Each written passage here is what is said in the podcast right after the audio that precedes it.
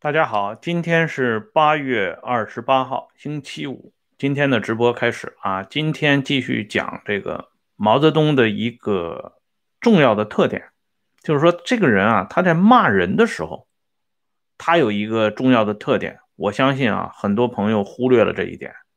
这人夸人和骂人这两个极端，是很能反映出这个人最本质的一些的东西。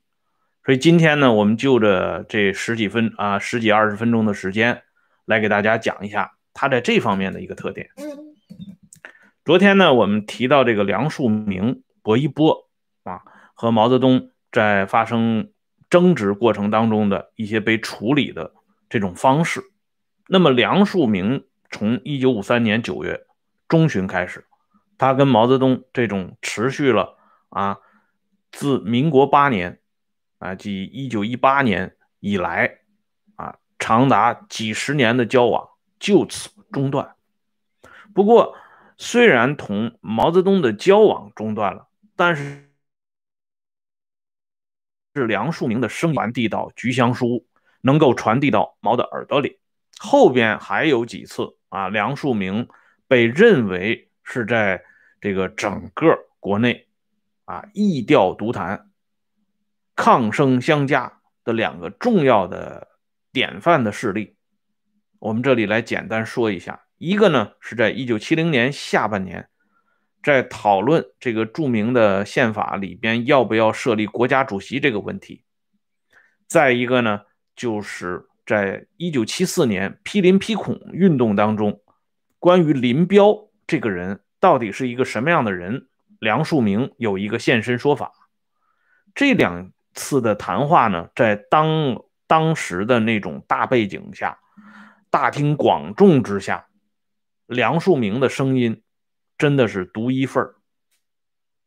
咱们先来说第一次啊，当时在宪法讨论的时候，梁漱溟提到这样一个常识性的话题，他说：“这个宪法呀，在世界各国实行了好多年了。”它是一个具有普遍意义的东西，可是，在我们国家里边，为什么个人的名字能够出现在普遍意义的宪法里边？这是一个相当不够严肃的事情。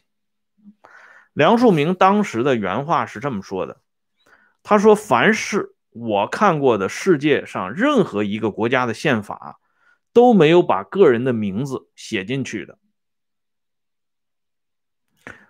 但同时，梁漱溟也声明啊，他说：“我不赞成把个人的名字，包括接班人写进宪法，但并不反对选择某个人当接班人。这是中国的特殊情况，别人没有，我们也可以有。所以，这梁漱溟当时的强调，这是一点。另外，就是最为敏感的设立国家主席的这个事情。”他也谈到了一点，不过呢，没有刚才说的这段话这么直接。这是一次啊，梁漱溟，呃，语惊四座的一次谈话。再接下来呢，还有一次，就是一九七四年批林批孔运动，批判孔夫子，批判林彪，把这两个人呢拴到了一起。这样呢，这个话题啊，感谢这位朋友的邀请啊。现在这种特殊情况下，还是以这个啊较少这个聚会为主啊。再一点呢，就是梁漱溟在这次批林批孔运动当中，他提到自己的一个真实的想法。他说：“我这个人啊，不能像林彪那样说一套做一套，我要想什么我就要说出来。”这里呢，我认为林彪。没有路线，把这一次批判林彪称为党的第十次路线斗争，我不同意。因为路线这个东西是公开的政治主张，林彪没有公开的政治主张，所以一定要把林彪绑到第十次路线斗争这个问题上。我有不同的看法。这话说出来以后啊，很多人都吓懵了啊，因为。第十次路线斗争的这个概念，或者说这个定义，那是最高首长定的，谁敢在这个问题上智慧啊？这梁漱溟这么大岁数，公开在这个会上说这种话，没人敢接下句儿。然后梁漱溟又接着说：“他说林彪是不是要走孔夫子的路，行孔孟之道？我也不敢相信。我不认为林彪是受害于孔子的。啊，你们把林彪跟孔夫子绑到一块儿。”说他搞克己复礼这套东西是取自于孔夫子，至少在我这个啊深得孔夫子真传的梁漱溟看来，这是不敢苟同的。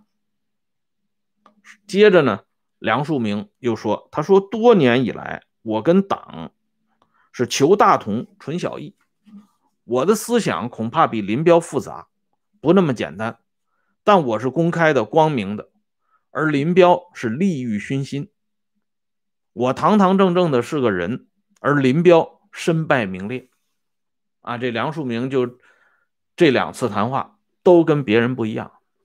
那么到了一九七五年九月三十号，啊，马上就是召开国庆的二十六周年的招待会，这是周恩来最后一次出席国庆招待会，抱病参加。这个招待会邀请谁不邀请谁，这个名单照例由毛泽东来审定。当时毛泽东做了一个批示啊，他说：“金无足赤，人无完人。我看上国庆招待会的名单很好，可惜未请周扬、梁漱溟。”啊，这又一次把梁漱溟推到了大家的面前，所以。后来很多解读毛泽东与梁漱溟之间关系的文章和书籍，往往爱引用这句话，借此呢来向大家表明毛泽东对梁漱溟一直是宽大为怀的。否则，为什么到了 他行将就木的时候，对梁漱溟没有出现在国庆招待会的名单上，还耿耿于怀呢？这一点呢？稍稍做一点解释，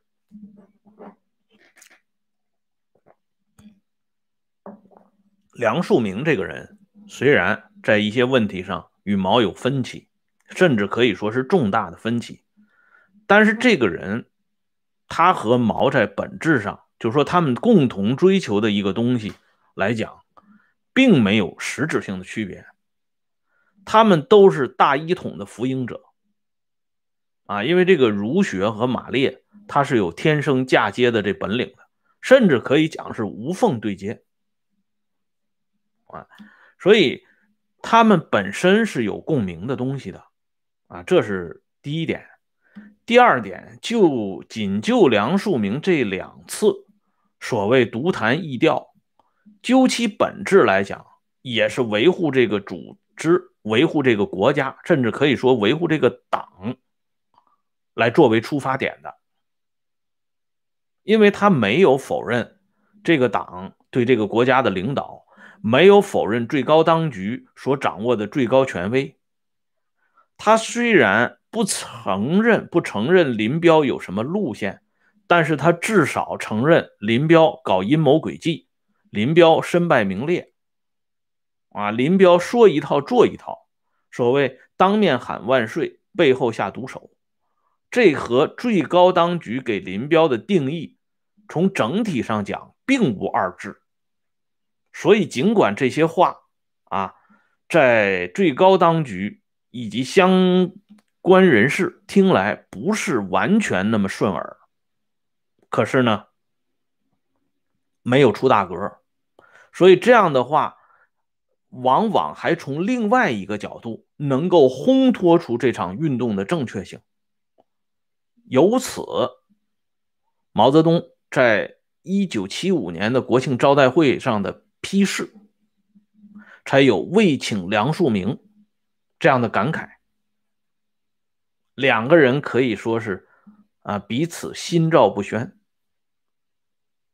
那么由这个话题呢，我们就想到另外一个重要的文人，那就是郭沫若。我提醒一下咱们这位朋友啊，你在加入这个温相会员频道的时候，要点击这个温相说时政，这样呢，你就会看到时政节目，而不是这个温相说历史或者是温相说党史。选择那个八点九九元的那个月费的那个啊，有相当啊这么十几个朋友都是误打误撞进入到这个啊栏目里边，结果看不到这时政会员，后来又跟我反映，我就一再的跟他强调这个。啊，一会儿我在节目收尾的时候会把链接啊发给你，你注意看一下。现在回到原来的话题上边，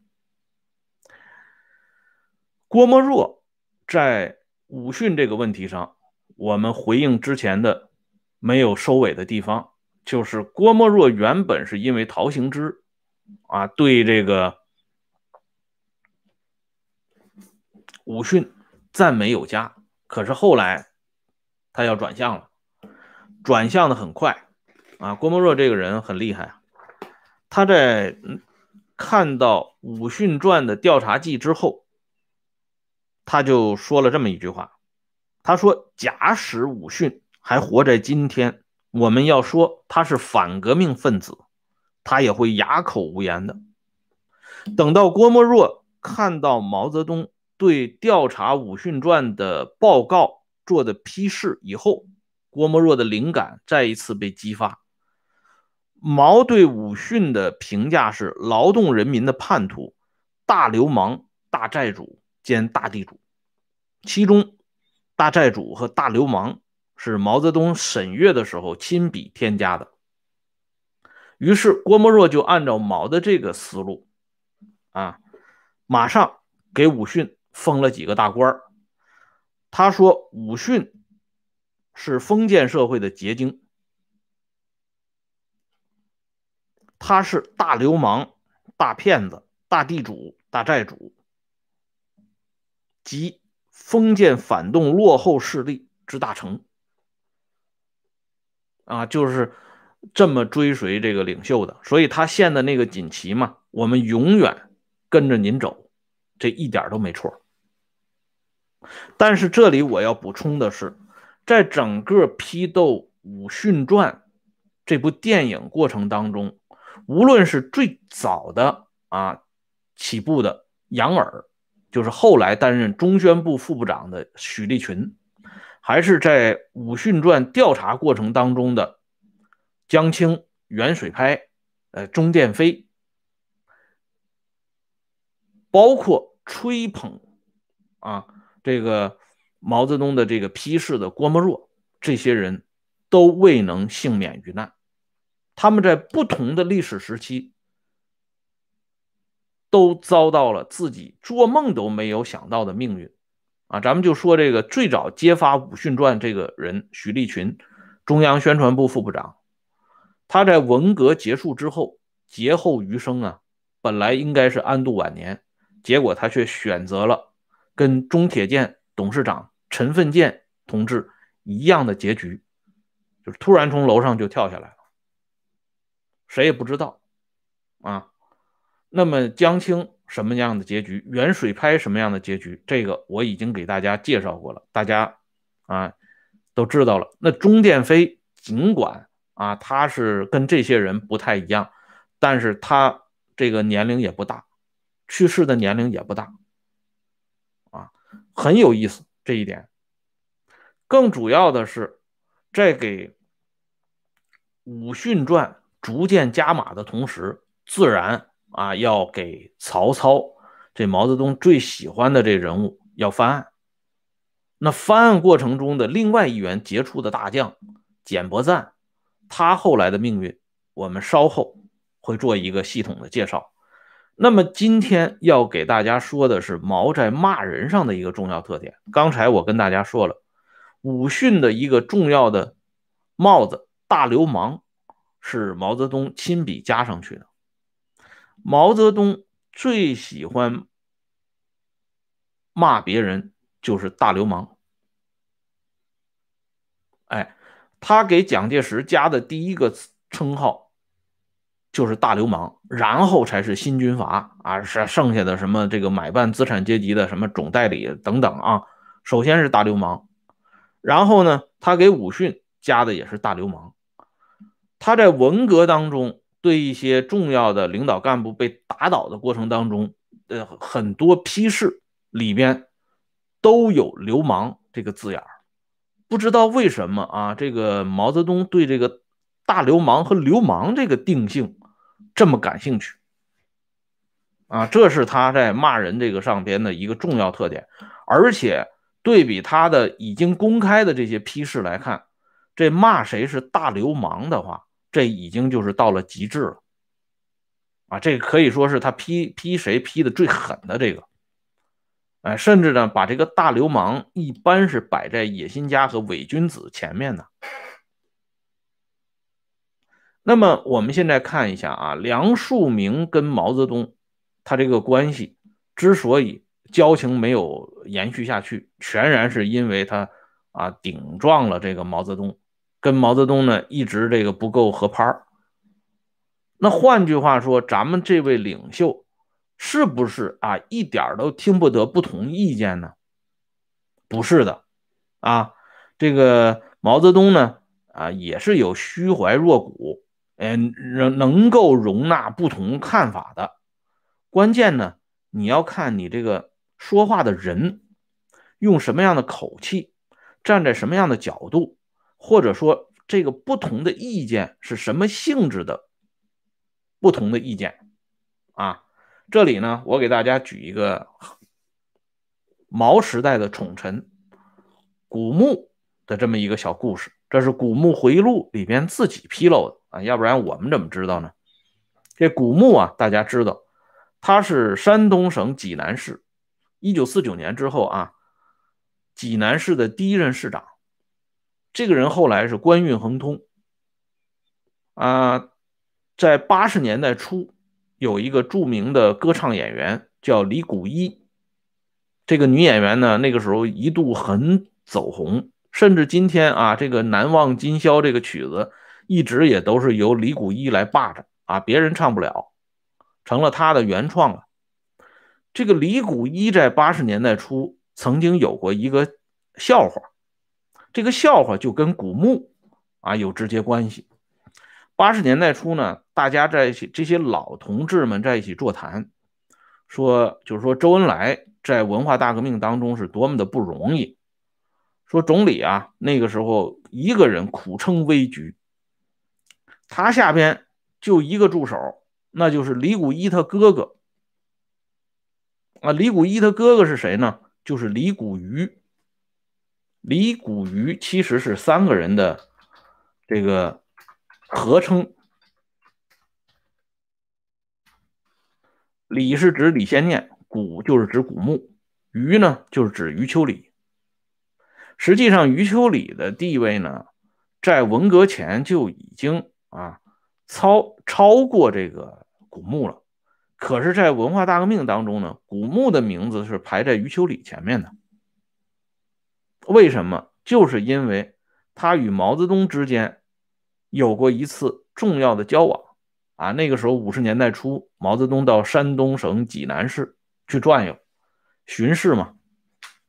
济南市市长古墓当然要在陪同之列。两个人聊着聊着，就突然聊到吃饭这个问题上了。毛泽东就说：“这个他认为淡水鱼好吃，因为毛是出生在湖南的。”啊，他是喜欢吃这个河里的鱼啊，江里的鱼，他吃惯了这个，所以他认为这淡水鱼好吃。而古牧呢，是出生在威海卫，我们知道这胶东半岛嘛，他是吃海鱼长大的，所以古牧就不同意毛泽东的这看法。古牧说，还是咸水的，就是海水的这个鱼啊好吃。啊，这两个人由此发生了争执。毛泽东说：“肯定是淡水鱼好吃。古人有诗啊，‘江上往来人，但爱鲈鱼美’，不是说松江的鲈鱼是最好吃的吗？”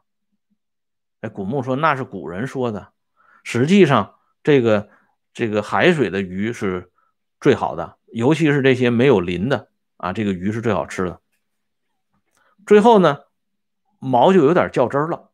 就在这个时候，古牧又说了：“古牧说，淡水里边。”有好吃的鱼，海水里边也有好吃的鱼。